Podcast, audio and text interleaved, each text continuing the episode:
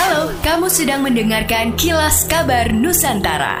Podcast persembahan KG Radio Network menyajikan berita harian yang mengangkat keunikan dari berbagai wilayah Indonesia. Kilas Kabar Nusantara dapat juga didukung oleh pengiklan loh. Eits, ingin belajar soal mengelola keuangan dan juga investasi bersama ahlinya?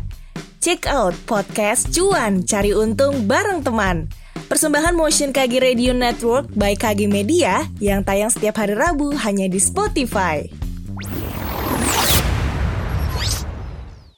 Risiko terjadinya kebakaran hutan dan lahan atau karhutla di Kalimantan Selatan tahun ini diprediksi cukup besar menyusul perakiraan cuaca ekstrim oleh BMKG yang akan menimbulkan dampak kemarau kering.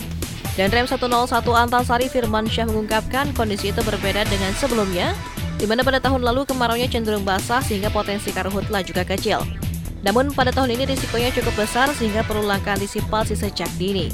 Salah satunya menjaga kondisi tetap kondusif dengan meningkatkan pengawasan ke titik-titik rawan munculnya api, sehingga karhutla dapat diminimalisir cakupan dan dampak kabut asapnya. Ia juga mengimbau masyarakat untuk patuh pada larangan membuka lahan dengan cara dibakar, yang selama ini menjadi salah satu pemicu meluasnya bencana tersebut.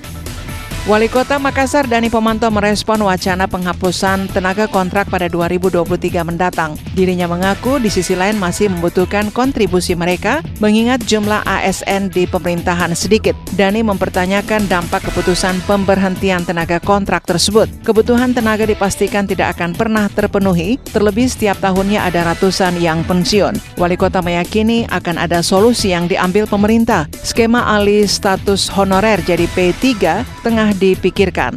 Kementerian Pendayagunaan Aparatur Negara dan Reformasi Birokrasi Kemenpan RB berencana menghapus status tenaga honorer di pemerintahan mulai tahun 2023. Hal itu sesuai dengan peraturan pemerintah nomor 49 tahun 2018 tentang manajemen P3K. Nantinya pegawai honorer yang ada saat ini dapat diangkat menjadi PNS dengan melalui proses seleksi CASN.